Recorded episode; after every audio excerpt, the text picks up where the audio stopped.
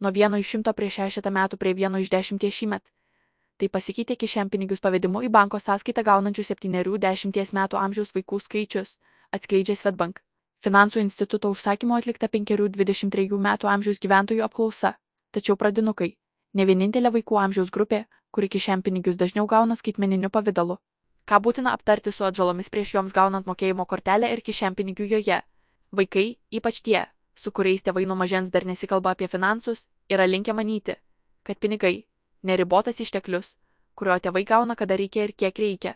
Dar įspūdingiau mažiesiems gali atrodyti grinųjų išsiemimas iš bankomato ar atsiskaitimai išmaniaisiais įrenginiais.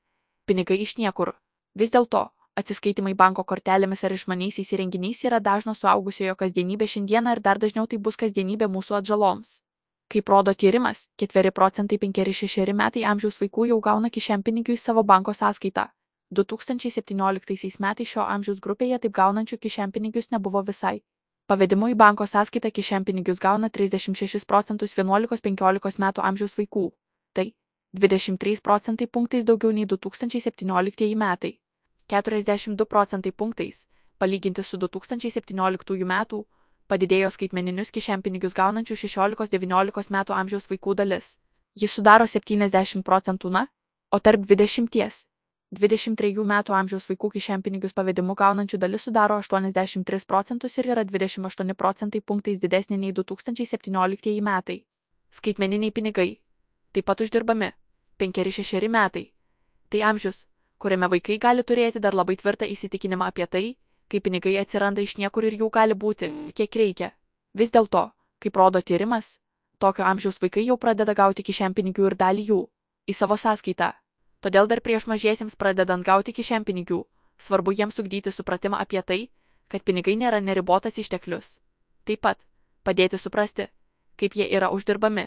Na, o kai atžalos ima gauti kišenpinigių į savo sąskaitą ir turi galimybę juos leisti, pasikalbėkite apie tai, kad skaitmeniniai pinigai yra tiek pat realūs, kaip ir grinieji, tiesiog gaunami ir leidžiami kitų pavydalu.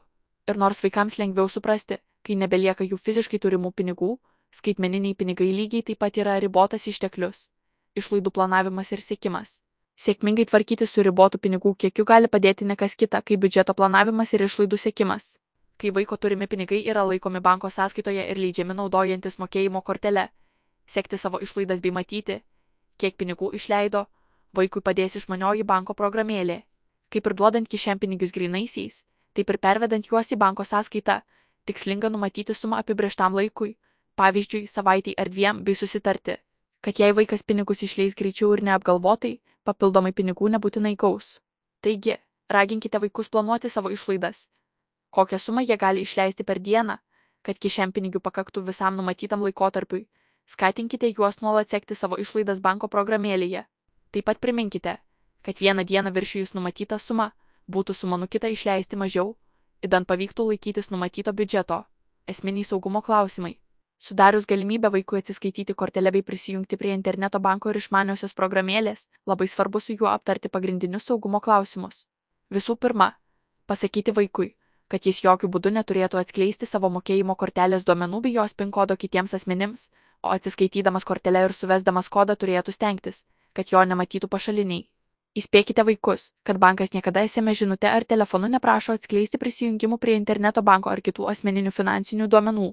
Netikro žinutės, skambučiai ir laiškai su įspėjimu, kad kažkas naudojasi mūsų sąskaitą ar atlieka iš jos mokėjimus. Dažna sukčių taktika išvilioti pinigus. Jei vaikai savarankiškai perka internetu, įspėkite juos jokių būdų netvirtinti mokėjimų, kurių patys neinicijavo. Raginkite visuomet atidžiai sutikrinti kontrolinį kodą ekrane ir pasirodžiusi Smartidė programėlėje, siekiant užtikrinti, kad ir pačių atliekami mokėjimai pasiektų reikiamą gavėją.